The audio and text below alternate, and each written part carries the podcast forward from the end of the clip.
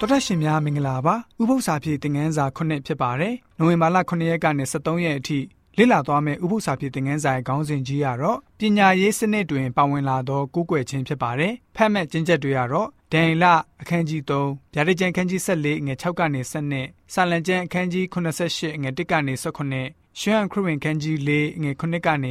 26ရာဇဝင်ကျုပ်ပထမဆောင်အခန်းကြီး16ငွေ1ကနေ36 ရှမာကုခရစ်ဝင်ခန်းကြီး9ငွေ1ကနေ73လို့ဖြစ်ပါတယ်။အဓိကကျမ်းချက်ကိုတော့ရာဇဝင်ကျုပ်ပထမဆောင်ခန်းကြီး16ငွေ29မှာတွေ့နိုင်ပါတယ်။ထာဝရဘုရား၏နာမတော်သည်ဘုံကြီးတော်မူသည်ဟုဝန်ခံကြလော့ပူဇော်တကားကိုဆောင်ခဲ့လျက်ရှေ့တော်သို့ချီးကပ်ကြလော့တန်ရှင်းသောတစားကိုဆင်၍ထာဝရဘုရားကိုကိုးကွယ်ကြလော့ဆိုပြီးတော့ဖော်ပြထားပါတယ်လူသားရဲ့လို့ဖြစ်လာတဲ့အခါမှာဘယ်သူမဆိုပေါ့နော်ယုံကြည်ကိုးကွယ်မှုတစ်ခုခုရှိစမြဲဖြစ်ပါတယ် လူရဲ့တဘာဝအလျောက်ယုံကြည်မှုတစ်ခုတော့ရှိကြပါတယ်။အပြစ်ထဲကိုကြောက်ရောက်သွားသည့်တိုင်ကူးကွယ်မှုတနည်းတစ်ဖုံရှိကြပါတယ်။ကျွန်တော်တို့ဟာတတဝါတွေအဖြစ်ဖန်ဆင်းခြင်းခံရပြီးတော့ထရဖျားသခင်ကနေလွတ်လပ်တဲ့ရွေးချယ်ခွင့်ကိုပေးခဲ့ပါတယ်။အဲ့ဒီထဲမှာမှ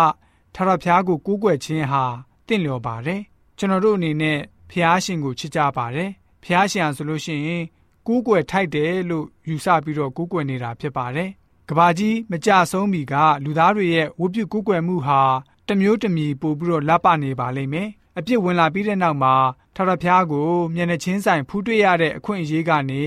အပြစ်ကြောင့်တေချေပျက်စီးခြင်းတွေဆက်ရောက်လာခဲ့ပါတယ်။ကျွန်တော်တို့တွေ့ဖူးတဲ့ဖန်ဆင်းခြင်းအရာတွေဟာအပြစ်ဝင်ပြီးပျက်စီးနေတဲ့အရာတွေကိုသာကျွန်တော်တို့မြင်နေရတာပဲဖြစ်ပါတယ်။ယနေ့ကျွန်တော်တို့ရဲ့စိတ်ထဲမှာကိုးကွယ်ခြင်းဟာအမှန်တကယ်လိုအပ်တဲ့အကြောင်းစိတ်ထဲမှာအလိုလိုလက်ခံထားစေဖြစ်ပါတယ်။ လောကမှာရှိတဲ့အရာခတ်သိမ်းဟာအပြစ်ကြောင့်ပုံစံတွေပျက်စီးပြောင်းလဲသွားရပါတယ်။ကျွန်တော်တို့အထဲမှာပဲတချို့သောသူတွေဟာမတိနားမလဲပဲရန်တမ်းပြီးတော့ကူးကွယ်ခြင်းပြုတဲ့သူတွေရှိပါလိမ့်မယ်။မှားယွင်းတဲ့ဝိပုကူးကွယ်မှုအမျိုးမျိုးကိုပြုကြပါလိမ့်မယ်။ကူးကွယ်ထိုက်တဲ့ထရဖျားကိုမကူးကွယ်ဘဲနဲ့အခြားအရာတွေကိုကူးကွယ်နေကြတဲ့သူတွေအများကြီးရှိပါလိမ့်မယ်။ဒါကြောင့်ခရိယန်ဖြစ်ခြင်းဟာ